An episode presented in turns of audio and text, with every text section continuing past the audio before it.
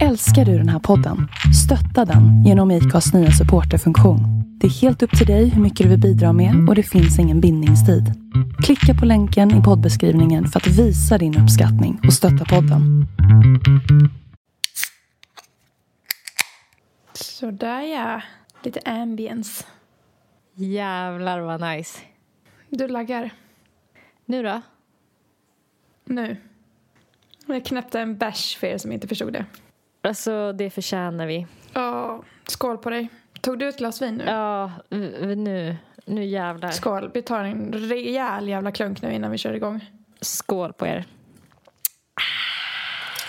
Mm. Åh vad gott. Det är så gott att dricka med isbitar. Jag har verkligen blivit hooked. Ja, det är så jävla gott. Det är så mycket godare att dricka vitt vin med is än utan. Hett tips. Verkligen.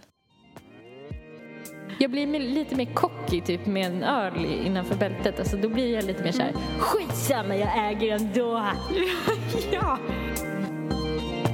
Det som var hans specialitet var att byta ut folks ansikten. Åh jävlar. Så jävla nasty. Alltså du vet Ja. döda personer som donerar sina ansikten. Oj, vad sjukt. Alltså jag kommer bara klaga idag. Jag vill bara förvarna. Vad bra, eller vad man ska säga. Det, Ja. det, ja, det, det, men det känns som något som jag... Ja, det kan jag ta idag. Du känner att du kan klara det? Ja, det kan jag klara verkligen. Ja. Okej, ja men ska jag sätta igång då? sätt igång. Jag ska bara ta en snus. Jag är fett taggad på det här. Nej. På min misär. Mm. Men jag är så jävla stressad just nu. Mm. Hi. Alltså jag är så sjukt uppe i varv. För jag håller på och förbereder för min release. Mm. Och jag kan inte säga än när det släpps. Men det är snart i alla fall. Inom en månad. Det kan jag säga. Och det är så jävla mycket bara, alltså när man gör allting själv och så här, nu får jag hjälp av min syster Mm. med en del saker. Men hon har ju skickat liksom en to-do-list till mig. med jättemycket saker som jag ska göra. Så här, skriva om mig, skriva om min singel, om min EP. Jag ska liksom fixa klart alla bilder, jag ska göra klart musikvideon, jag ska registrera mig på olika hemsidor. Jag tänkte göra en hemsida och så här, mm, marknadsföra på Instagram, göra om min Spotify, göra om min Soundcloud. Alltså du vet, det tar aldrig slut. Mm. Och när det blir så här mycket Mm. så känns det som att jag fastnar typ. Alltså jag satt seriöst igår, jag vet att du såg min med, Insta-story. eh, med omslaget, ja. Mm. Men jag kunde inte välja Ja. vart jag fucking skulle sätta texten på omslaget. Alltså jag, vet- jag vet, jag blir exakt likadan när jag är väldigt stressad så, så blir jag typ mer långsam. Ja, ja. Det är som att jag fastnar ännu mer i detaljer när jag har mycket att göra än när jag har lite Ja. att göra. Det är faktiskt inte rättvist. alltså, Nej, det är så taskigt. Alltså för att det blir som att jag blir helt... Jag har ju beslutsångest redan och det vet jag att du också har. Men den blir ju gånger tusen. Det blir som att jag blir handlingsförlamad typ. Alltså jag satt i fyra timmar och gjorde olika covers. Och så liksom skickade jag en miljon covers till min pojkvän. Som var tvungen att såhär. Jag var men den här? Och vi tyckte olika och jag var så här. Men vad fan typ. Och så han bara till slut så här. Vet, nu tar du en paus. Han bara, nu ser du ett avsnitt av Grey's Anatomy och sen fortsätter du. Typ. Ja. Så jag bara, "Ah, okej. så här. Men sen satt jag ju i typ fyra timmar till. Och till slut så sa Valentina till mig, som jag bor med. Då var klockan typ halv tio på kvällen och jag hade suttit seriöst från typ två på dagen. alltså. Och hon Ja. bara, okej du får till klockan tio ikväll på dig. Klockan tio ska det vara klart. Och har du inte fattat ett beslut klockan tio då måste du sluta nu och gå och lägga dig. Alltså du får inte göra något mer nu. Och så höll hon på hela tiden så här. Nu är det 17 minuter kvar Nelly. Och sen gick hon och tog en dusch och sen så bara tittade hon ut och bara fem minuter kvar. Och jag bara okej okej okej. Och det, det funkade. Jag tog ett beslut till slut då. För då blev jag så här men skit.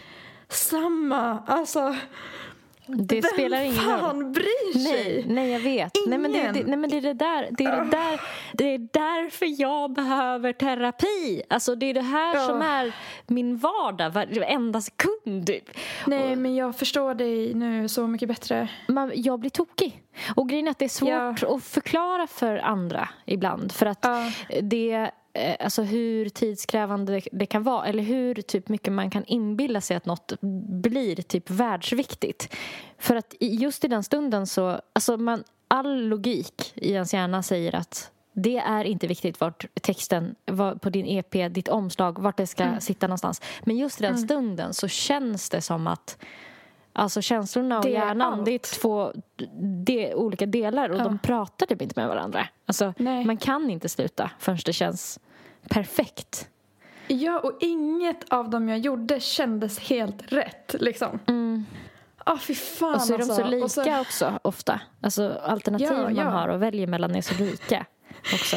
Ja, jag körde ju uteslutningsmetoden till slut. Och till slut Ja. satt jag och valde mellan två som var i princip exakt likadana. Ja, man blir jag bara, helt vansinnig. Men, men alltså, ska den vara liksom två millimeter högre upp eller två millimeter längre ner? Mm. Alltså du vet, man bara, nej men nu, nu vet jag faktiskt inte. Typ.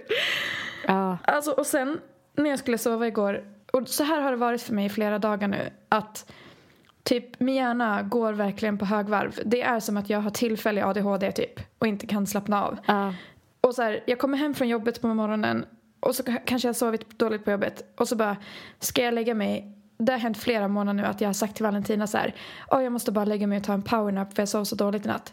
Så lägger jag mig i, i sängen, tar upp mobilen och börjar... så kommer jag på mig själv efter typ en timme att jag ligger och typ så här börjar smygredigera på min Spotify-sida. Eller typ gör jobb när jag ska försöka vila. Det här är verkligen inget skryt för att det är inte som att jag får något vettigt gjort då.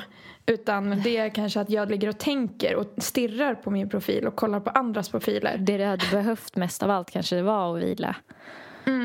Och i natt sov jag fem timmar för att hjärnan gick på högvarv och i morse typ åtta på morgonen ringde en rörmokare till mig och väckte mig. Och sen kunde inte jag somna om för att sekunden jag slog upp ögonen så började min hjärna bara drrrr, typ allt jag måste göra. Bara, du, du, du. Och så skrev min syster till mig så här, ah, skickar du musikvideon till mig också? Och jag bara Eh, ja, eh, jag ska bara göra klart den lite snabbt här. den, så sa jag så här, jag gör klart den idag eller imorgon. Och idag är det imorgon. Och Ja. den är inte klar. Ah. Mm. Så. Ja, jag, jag vet alltså 100 procent hur du, hur du känner. Alltså det där med Ja. att tankarna ilar sådär när man, när man vaknar och när man ska sova också. Ja. Den fortsätter typ jobba. ja, exakt av sig själv. Ja. Och just ja, när jag vaknade idag och skulle äta frukost då bara känner jag hur jag har så här eh, typ träningsverk i käkarna. Och jag bara, what the fuck? Så, här. Så pratade jag med Valentina om det och hon bara, men du måste typ ha legat och så här stressspänt dig under natten när du sov. Och jag kom på då att jag drömde någon stressdröm. Och då har jag liksom spänt käken medan jag sover för att jag är så jävla stressad. Att jag har träningsverk idag. För jag kan inte komma på något annat som jag har gjort. Så det måste ha skett i sömnen. Jag brukar kunna få sådär att jag trycker ihop tänderna jätte, jättehårt. Mm. Alltså under, under såna där perioder. Ja. Ja, jag funderar på om det är det jag har gjort. Eller jag tror typ att jag har legat och spänt min tunga. För det känns som att det är vid Mm. svalget som det är helt spänt. alltså. Och så började jag tänka, så blev jag så jävla ledsen typ för att i morse när jag skulle försöka somna om och låg och så här äh, stresstänkte då blev jag så här, men det här är ju liksom min stora dröm. Och det är det här jag så här, strävar efter att få göra varje dag. Och jag klarar inte av det. Nej. Säg alltså om jag tar i trä nu, men om jag skulle lyckas någon gång. Då måste du göra det igen och igen och igen och igen. Ja, och hur fan klarar man den pressen? Alltså, Det där har jag också tänkt på. Men ja.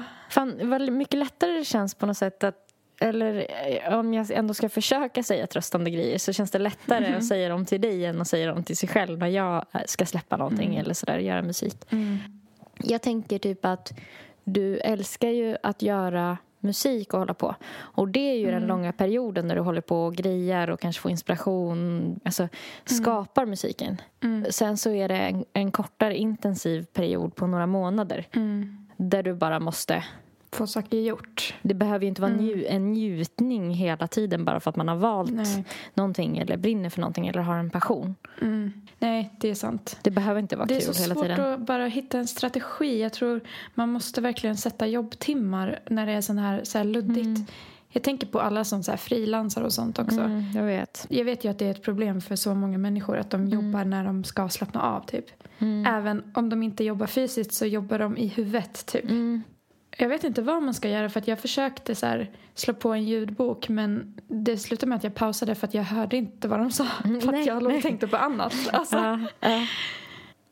ja, alltså... Och så är jag livrädd. Alltså jag är så jävla rädd att ingen kommer gilla mina låtar. Jag har verkligen hamnat i en svacka. alltså det, Men så här nära släpp så blir man så jävla Det hör ju rädd. till också. Det hör ju till Ja. både för att det är så läskigt och sen så eh, hör det till för att du har jobbat så hårt på de här grejerna.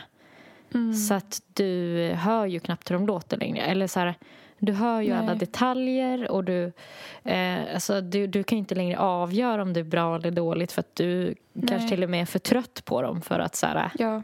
känna Ja, ja. de här känslorna när du skrev dem och sådana saker. Men Mm. jag tänker typ att eftersom att du beskriver ju typ exakt det jag själv också känner så måste det vara så här många som känner Jag tycker man har hört folk beskriva det här förut och att Mm. ehm, kanske bara att du får tänka att ja, nu får det vara lite jävla bara tråkigt och jobbigt. Och sen så blir det gjort och sen kan du få skriva ny musik. ja. Men sen har man ju också små typ stunder då man verkligen tycker att det känns kul också. Ja.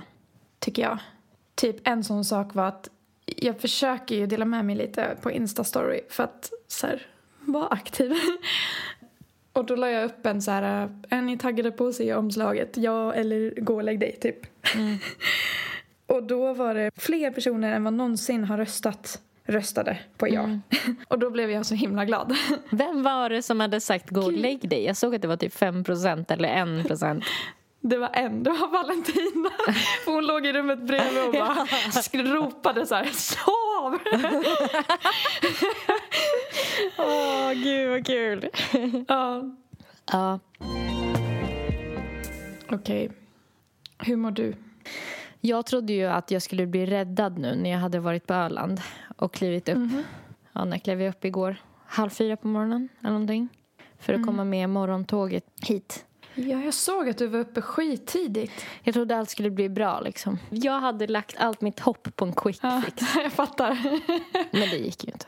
Det blev ju Nej. samma skit eh, igen. Så det drog ner humöret att jag kom upp så sent idag. Ja.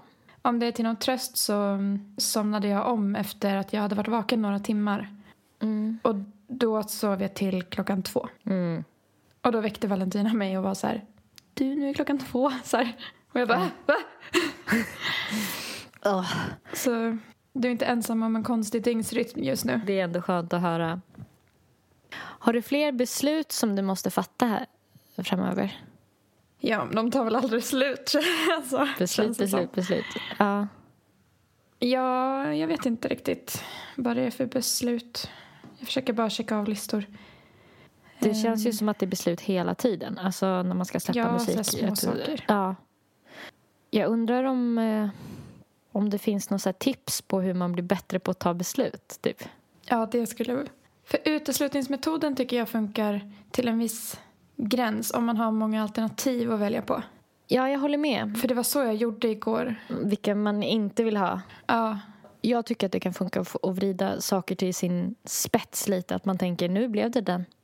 Eller du vet Ja. att man singlar slant eller sådär. Då kan man ju känna Mm. om det blev fel i alla fall.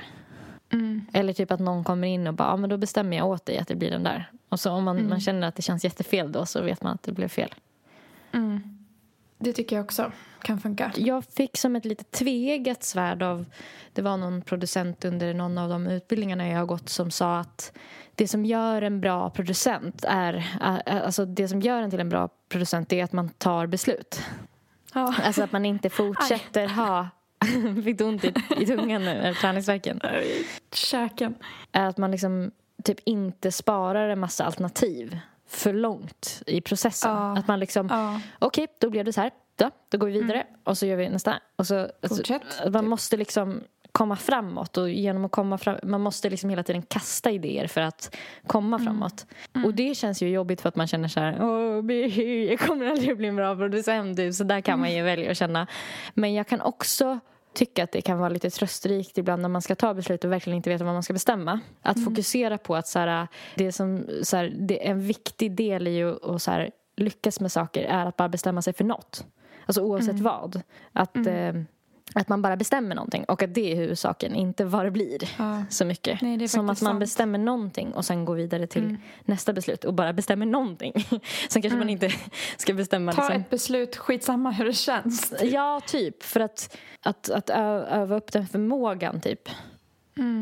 Jag skulle vilja göra det i alla fall. Jag brukar tänka på det ibland och jag tycker det hjälper lite. Alltså när jag sitter i de här... "Mm, Ska, vi, ska det vara den här textsnittet eller det där textsnittet? Ska, det vara, ska jag klippa bort två sekunder av introt innan låten? Eller Ja, ja. inte att jag bara... "Äh, Skitsamma, det viktigaste är att jag tar ett beslut. Oavsett vilket. Ja, och jag försökte verkligen typ, jag försöker säga till mig själv som jag säger till dig alltid så här att who the fuck cares då? Alltså vem fan bryr sig då?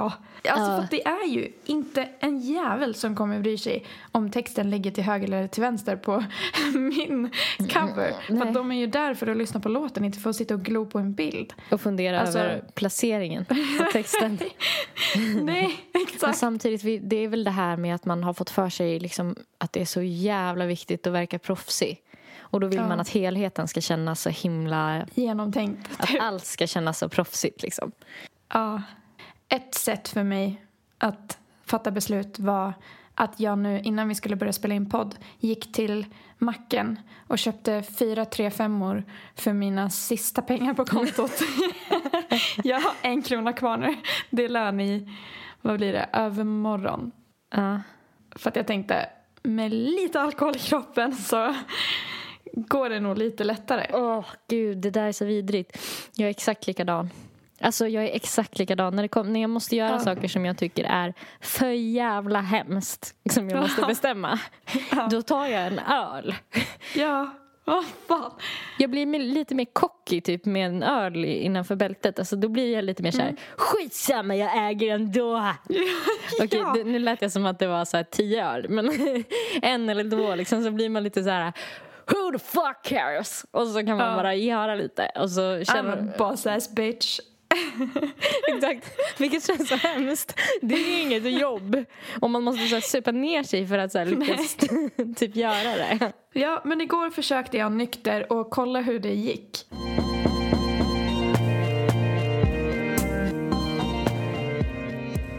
Um, Okej. Jag kom in på en lista där det stod eh, på smartaliv.se acceptera att något kan vara tillräckligt bra, att allt inte behöver bli perfekt. Faktum är att det begreppet begränsar oss mer än någonting annat. Ja, alltså att det, att det behöver vara perfekt då. Det är aldrig fel att anstränga sig och försöka göra sitt allra yttersta men ibland måste man bara bestämma sig. Ja, det var lite det vi var inne på. Säga att nu är det klart och det duger bra så. Punkt nummer två vet jag inte riktigt om Ge dig själv tid. Eh, det är ju lite svårt när man jobbar med en tidspress. Liksom, press. Mm, det är det. Där står det om att man inte ska låta folk i omgivningen stressa en så att man tar ogenomtänkta beslut. Men det här är ju hela problemet. Mina beslut, och jag kan tänka mig dina just nu också, det är det att de blir för genomtänkta, alltså övertänkta. Alltså man tänker på dem så mycket så att man inte vet varken ut eller in till slut. Ja, precis. Men eh, ta reda på vad och varför. Det är först när du vet vad du verkligen vill åstadkomma, varför och hur du ska göra det och nå dit som, eller fatta lätt, ja, bla bla bla bla, jag vet inte. Okej, punkt nummer fyra, då har de skrivit ta reda på orsaken till varför du tvekar att fatta beslut. Fråga dig själv om din oförmåga att fatta beslut grundar sig på rädsla av att inte vara tillräckligt förberedd eller kapabel eller oro eh, för att du inte känner dig mentalt redo. Handlar det om rädsla så ta ett litet steg i taget istället för att ge dig i kast med ett stort beslut. Handlar det om oro så utmana dig själv genom att berätta för andra vad du ska göra och sedan göra det. Det har jag gjort nu. Ja. För alla lyssnarna. Ja, men det, ja, det tror jag är bra att man liksom så här, jag ska eh, släppa musik så att man inte, Mm. för så länge man inte har sagt något då, då kan man ju backa eller fega ur. Mm. Typ som när du satt nästan en hel dag med de här omslagen och grejade mycket med texten och sådär.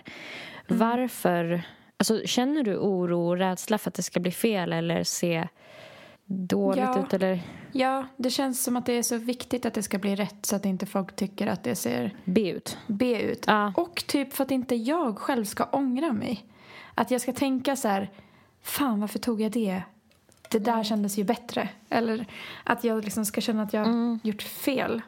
Jag måste Eh, bara flika men in jag- där att det är ju jag typ alltid. Vilket är så himla hemskt. Jag vet inte om det är en bra Känna att tröst. du har gjort fel. Ja, att jag ångrar mig. Åh, Alltså jag, jag ångrar alla, alla omslag jag har någonsin Ja. haft. Alltså när jag tittar på dem nu så tycker jag de är så himla så här, att de borde se helt annorlunda ut. Ja, det- så känner jag för alla mina gamla omslag också. Mm. Men det tycker jag man kan se lite som ett tecken på att man ändå utvecklas. Mm. En smak Det tycker jag ändå är utvecklas. bra. Ja. Men jag har redan ångrat en grej också. För jag ska släppa en singel och en EP. Och jag har redan valt omslag till singeln och lagt upp det över, alltså på Spotify och sånt här. Eh, inte så att andra kan lyssna än. Nej. Men nu när jag hade de två bredvid varandra, båda omslagen, så kände jag att fan singelomslaget känns som the main omslag. Den borde ha varit till EPn. Men jag har bara bestämt mig för att släppa det. Ja. Jag tror att det där är en färdighet. Alltså det, exakt det du pratar om nu. Mm. Att bara, nu fick det bli så. Alltså det tror jag nästan är en viktigare färdighet Mm. än någonting annat ju. Mm. Alltså att det, det Att typ bara acceptera läget Ja, typ. att för, förmåga man måste öva upp. För att eh, för så kommer det vara med typ 100 miljoner grejer. Ja, och sen så blir jag också så här. Det tänkte jag på igår kväll att jag bara, ja, då har jag spenderat en hel dag på att välja ett omslag. Vilket svårt beslut. Typ andra människor så här, måste välja mellan vilken patient de ska prioritera för att de har bara plats för en patient på sjukhuset just nu. Typ. Alltså du vet. Man hatar sig Och själv. jag bara, vilket omslag ska jag ha? Ja. Det stressar mig. Jag är så stressad nu. Alltså, Mm. Alltså du vet, jag blir typ, får typ själväckel också. Ja, jag vet. Ja, jag vet. Ja, nej, men jag vet. Gud. Alltså, gud vad jag tycker man har självveckel typ alltid. Och så framförallt när Ja. man ska släppa musik. Ja. Man bara, vem fan tror du att du är?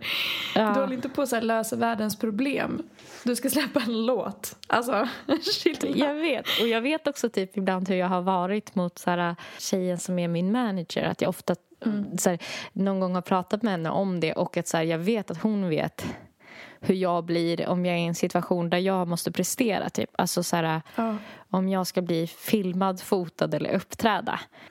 Alltså då, då börjar jag helt plötsligt behandla henne som en slav. Ja. Alltså jag blir helt personlighetsförändrad.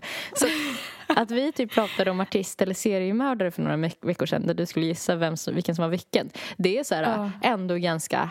Jag kan ändå fatta att man blir liksom blir Ja. lite psyksjuk av att vara artist. ja. För att så här, bara. Mm. de här små giggen jag har haft så blir jag, går jag helt in i ett mode som är liksom... alltså blir så här, håll min väska typ, släpper den. alltså typ nästan. Gå in i sin zone. Ja, nu får ni fixa det här för det här har inte jag tid med. Typ sådär, den. Ja, ja.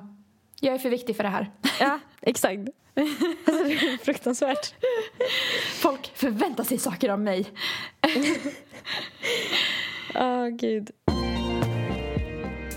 Både du och jag är ju prokrastinerare på olika sätt. Jag fick upp en till lista på smartareliv.se där de har listat att man ska använda två minuters regeln. Deadlines är alltid effektiva. Man tar saker och ting mer på allvar när det finns en gräns att hålla sig inom. Att ge sig själv max två minuter att fatta ett beslut är en bra träning för att bli snabbare på att bestämma sig som effektivt ger resultat. Efterhand kan du sänka tiden till en halv minut eller en minut. Oj, oj, oj, Men det oj, beror... Hold your horses. Alltså, jag känner typ Jag fick jag... en halvtimme igår av Valentina och tyckte att det var så här. Jag satt verkligen upp till sista minuten. Typ när det var två minuter kvar, då tog jag ett beslut.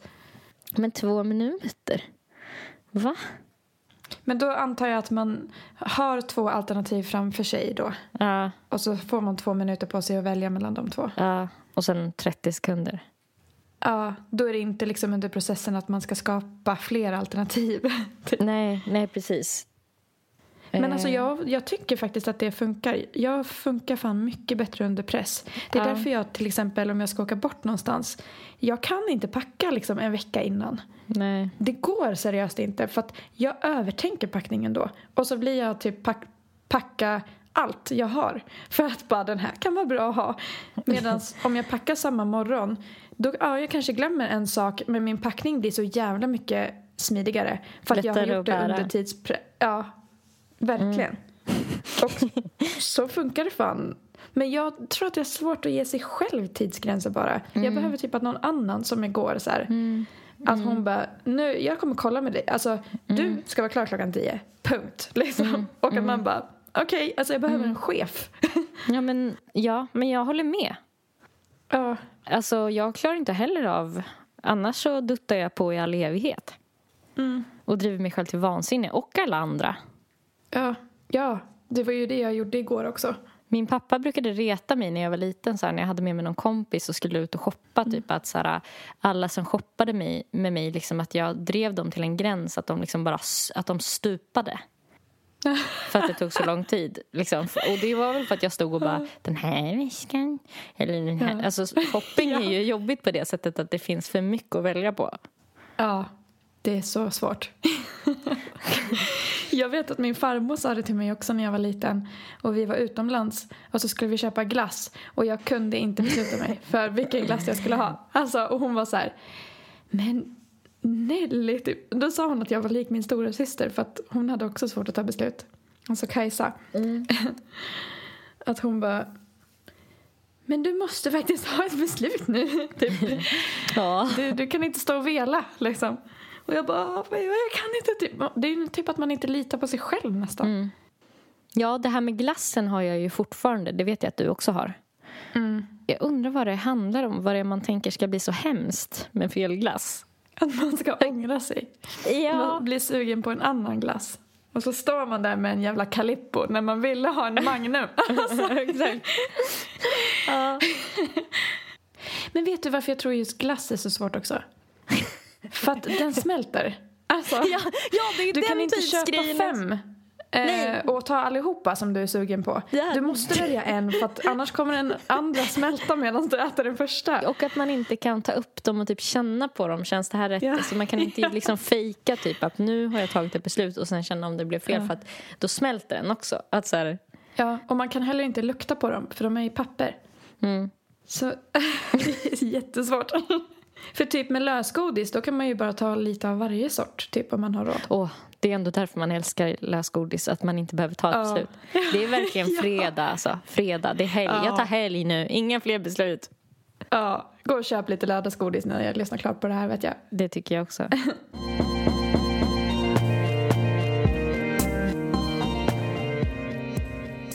Vad tycker du om den här? Förenkla, tänk svart eller vitt.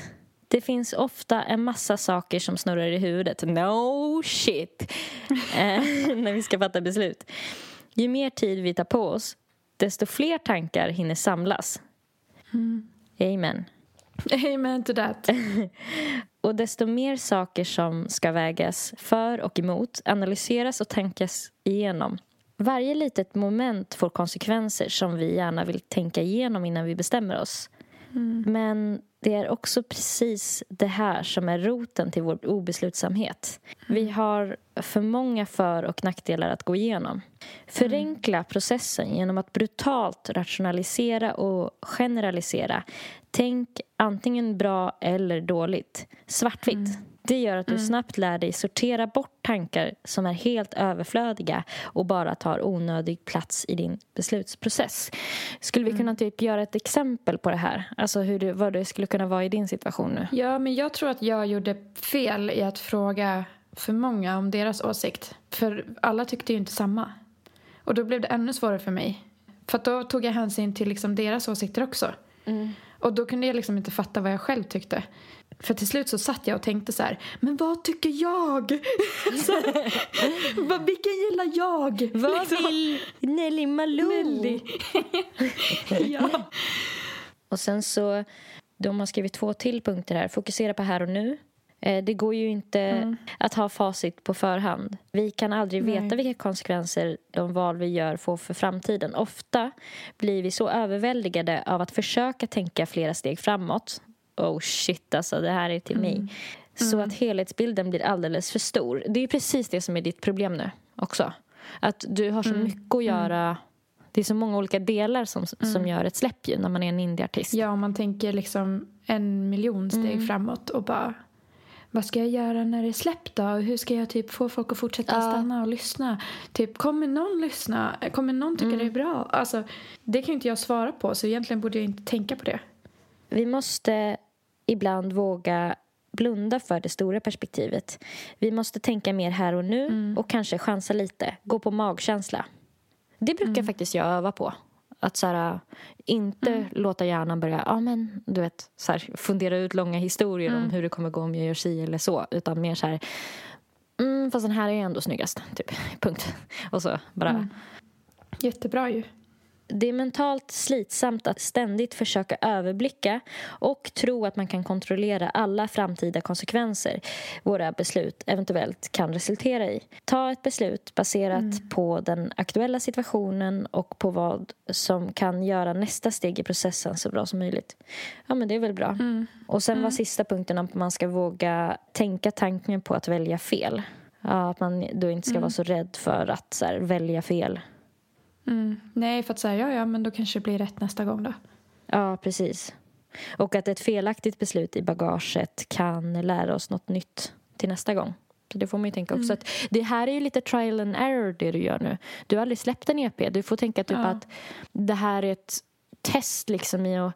Alltså jag brukar försöka tänka så när det gäller typ sociala medier även om jag tycker det är skitjobbigt för att jag hatar det här med att det liksom är du direkt får ett betyg i form av hur många likes du får eller så här, kommentarer och sådär och det är typ så här för mig är det psykiskt svinpåfrestande. Men en Ja. tanke som ibland kan trösta mig är att tänka typ, ja ah, men nu testar jag typ den här idén. Eller jag testar den här saken. Och sen så är målet med att göra det mer att här, se hur det gick. Som en liten undersökning mer. Ja, precis. Som att jag precis forskar lite. Det tror jag är jättesmart. En annan sak jag tror kan vara bra att tänka som jag kom på nu när du läste det där var att om jag fattar fel beslut i någonting i min process, vad som helst. Det påverkar ingen. Alltså ingen kommer dö om jag fattar fel beslut. Nej, alltså det värsta som kan hända är väl att du kommer göra det bättre nästa gång. Ja, och det är ju jättebra. Det hade ju varit asdeppigt om allt du kommer göra efter det här kommer bli sämre. Ja. Så egentligen borde du försöka tänka Det här var mitt tips till min kille typ nu när han skulle börja på ett nytt jobb också. Det var Ja. att han bara, ah men bra då kan jag göra typ de, För att han snackade om att åka hit och att eh, så här, med tid och såna här saker. Att han skulle liksom ha tid att åka hit. Och då så var han så här, ja men så typ eh, ska jag göra allt det här. Men eh, jag kan nog säkert göra det på en tredjedel av tiden som de har räknat med. Alltså du vet, trots att han inte... Jag bara, hur, alltså för det första tycker jag det låter omänskligt. Men ja, ja, skitsamma, det kan du väl kanske göra. Men det finns ju stora nackdelar med det. Och det är att gör du omänskligt bra ifrån dig första veckan Ja. då är det det du ska göra sen. ja, då har du satt standarden. Precis. Så att det är nästan bra om det här släppet inte blir typ... Det bästa. Ja, Ja, alltså det finns fördelar med att det, det kommer finnas skavanker. att det kommer gå åt helvete. Nej, men Jag skojar. Men det är så jag menar. Men du förstår vad jag menar. Typ att om du bara Jag maxar fattar. med att göra allting helt perfekt så kommer du Mm. hädanefter inte ha något svängrum för att all, då måste du göra resten perfekt alltid och det kommer ingen människa klara. Nej, det är sant. Så det är bara bra om det inte blir helt perfekt. Ja, det ska gå lite dåligt.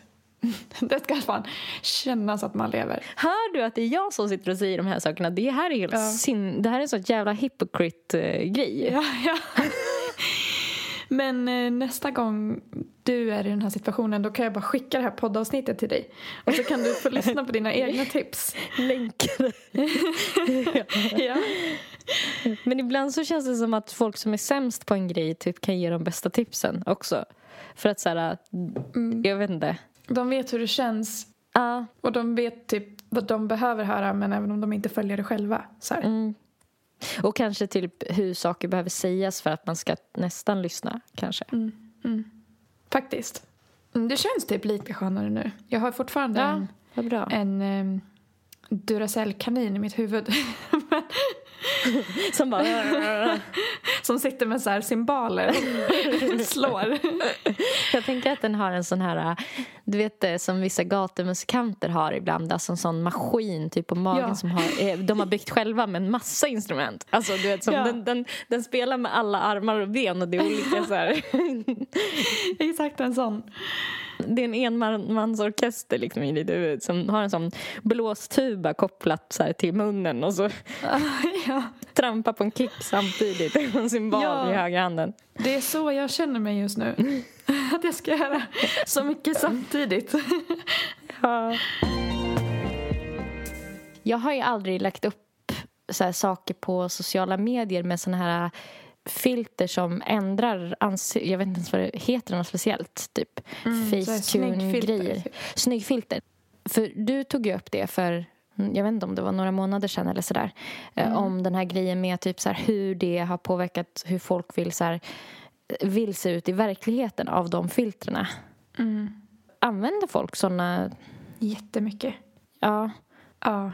för fan vad jag har dålig koll alltså. Jag följer knappt några... Mm. Eller, eller så kanske de, de filtrerna har, har blivit så bra att man inte ens ser att de är där. Ja, alltså det är dels det och att man nog är så van vid att se det nu.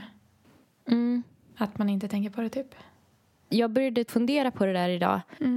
Liksom de här åren som har varit nu med eh, corona, att man inte träffar... Alltså, att man kanske har blivit mer sociala medier. Alltså hur det liksom påverkar ens syn typ, på sitt eget utseende eller så här, hur, hur snygg man borde vara. Eller så där. Gud, gud vad svamlig jag är. Förlåt. Alltså, jag har Det lite ont i huvudet idag. Men, så jag lyssnade på lite poddar om det idag. Just om liksom, filter. Jag sparade ner några ljudklipp som jag tänkte att vi kanske kunde typ lyssna på och kommentera vad vi Ja. tänker om det de säger. Ja.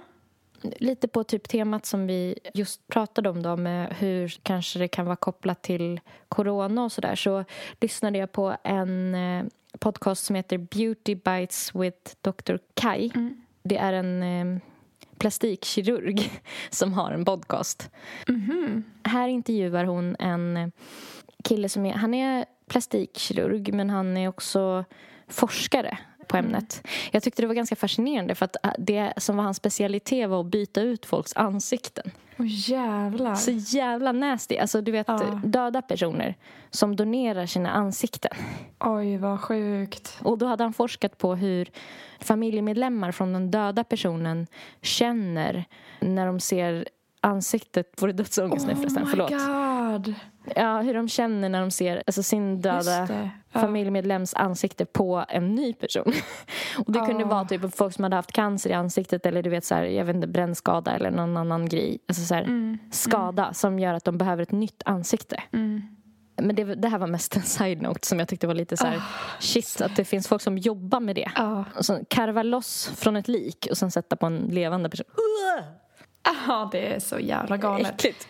Jag har inte ens tänkt på det. Att Tänk om den personen träffar en familjemedlem till den döda personen som har haft det ansiktet. Exakt, det var just därför de ville forska på det. För att det Ja, För att få folk att gå med på det typ. För att det är väl tydligen Ja. jätteviktigt. ja jag hade velat det om jag hade brännskadat bort hela mitt ansikte. Mm. Ja, verkligen. Och tydligen så var det så att de flesta personer som såg det här ansiktet på den nya personen tyckte att den personen såg mer ut som sig själv än donatorn. För Ja, att för att tänk- benstruktur och sånt. Alltså, Exakt, det är ju det jag gör jättemycket. Än bara, det är väl bara huden egentligen. men ibland kunde de få också en, en, lite av benstrukturen också om det behövdes. Aha. Ja, nej, alltså det är så konstigt. Men det var inte vad det, jag, det, det, det varför jag lyssnade på podden. Men det var Nej. mer en så här kul side-note med så här, det här yrket kan man ha. Ja. Men här skulle han då få prata lite kring vad de flesta söker för. Vad gäller utseende och sådär nu. looking at the reasons for increased interest for aesthetic interventions over um, over the COVID pandemic, one of the highest things was people spending increased time on social media. And actually, lower on the list of things was noticing something on a video or Zoom conference. So it may not be so much the Zoom dysmorphia, but it's it's actually the Snapchat or whatever you want to call it, Snapchat dysmorphia or Instagram dysmorphia that people throughout the pandemic have been at home and they're sitting on their phones scrolling through Instagram. Mm-hmm. And so they're seeing more of these unrealistic things, I think. The other two that were seeing themselves in the mirror more often uh, was one, and then the de- desire to look better when the crisis is over. Those Yeah. were top three reasons why people had increased interest. Jag tycker det är så himla gulligt att folk under pandemin Alltså anledningen till att de vill komma och operera sig är att de har haft så jävla mycket tid över att spegla sig. ja. Alltså, och att de vill se, komma ur pandemin och bara vara fett mycket snyggare. Så här. Människor är så gulliga typ. Ja. De blir tvungna att spegla sig mer också för att man går förbi sina speglar hemma hela tiden. Ja. Men jag tycker det är så himla sorgligt med sociala medier. Att det ger den påverkan på ens utseende. Mm. Jag tänkte på det faktiskt i dag. För Valentina satt och kollade på den här dokumentären om Billie Eilish. Ja. Så vi satt och kommenterade det lite under tiden. Och var så här, gud, dagens ungdomar, det är klart att de är så jävla deprimerade typ för att de är uppvuxna i sociala medier. Och då bara tänkte jag liksom, vilken jävla tur att sociala medier inte fanns när jag var liten. Och så här, tänk så hur påverkad man är nu. Alltså ta det gånger två då, för att halva mitt liv har typ varit utan sociala medier. Mm. Bara så här, ja, att vad det gör med folk.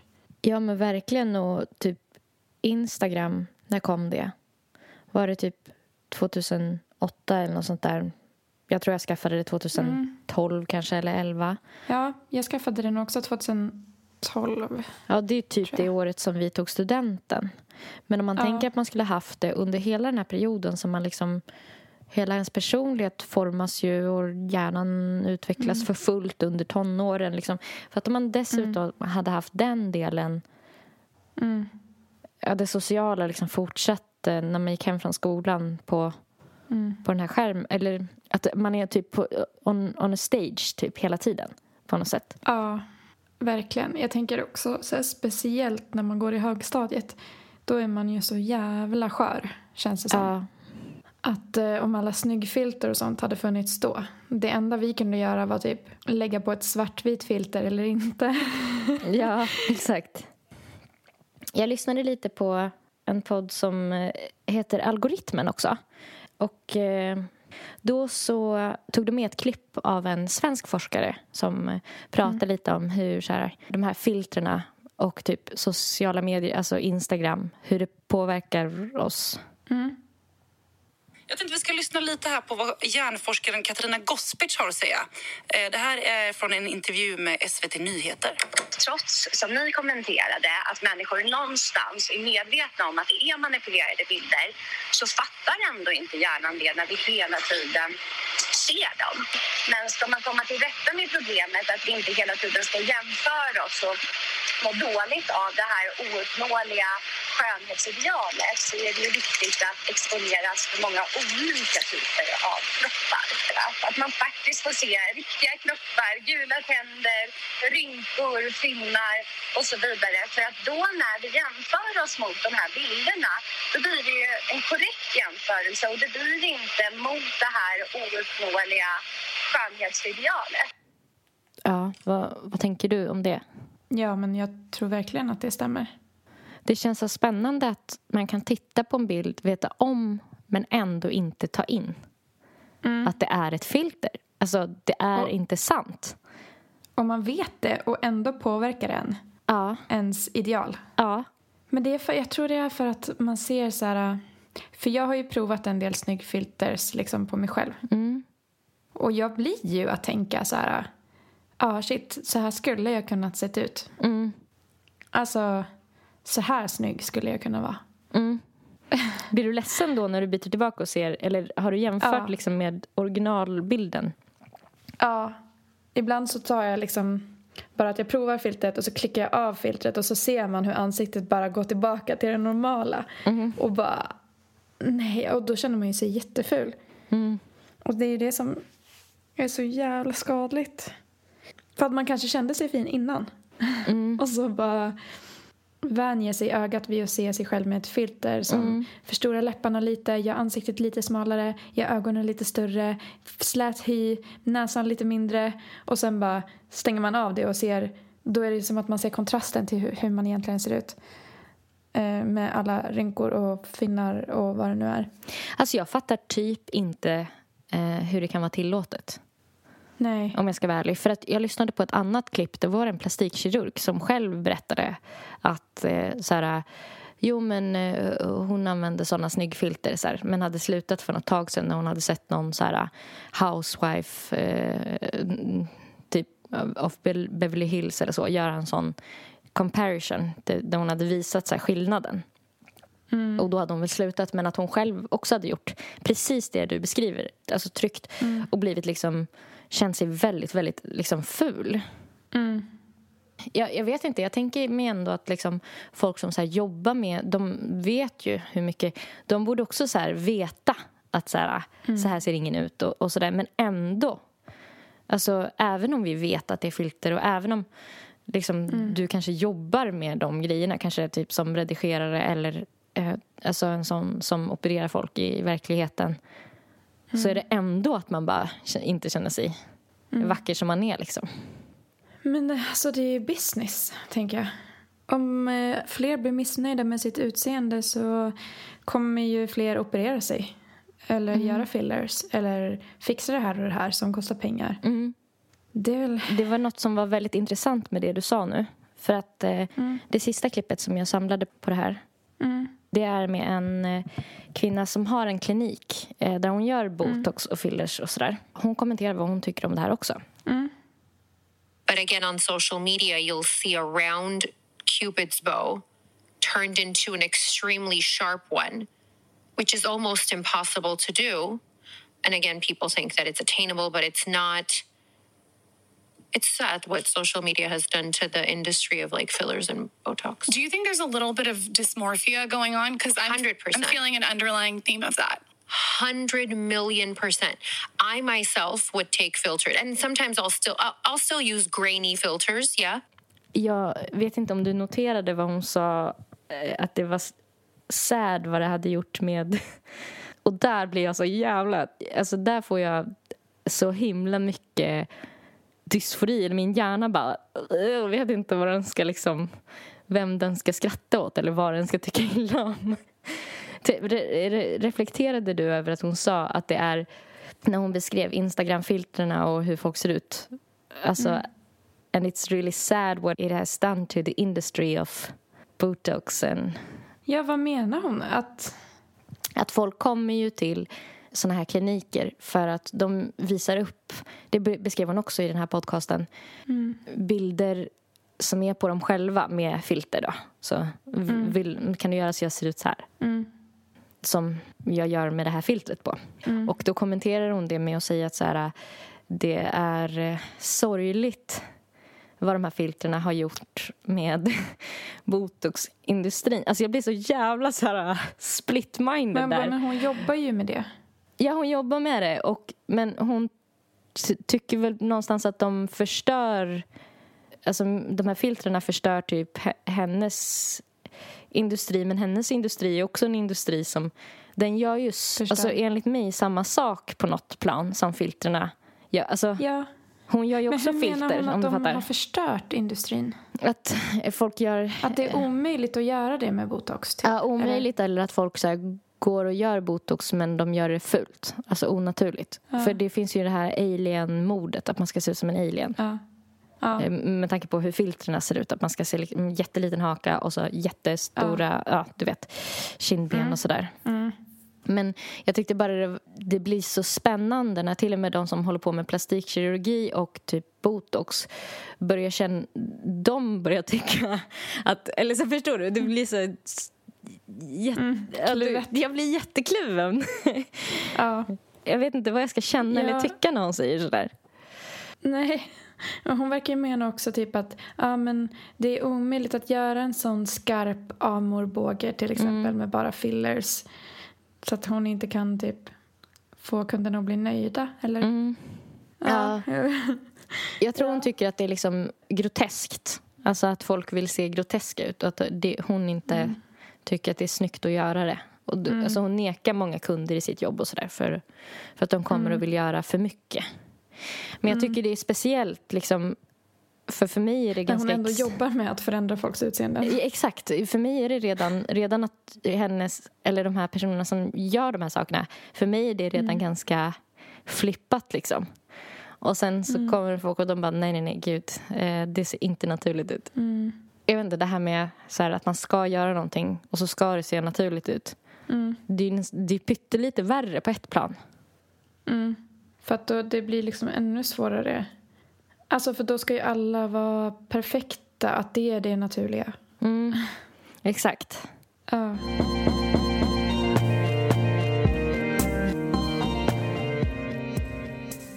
Jaha.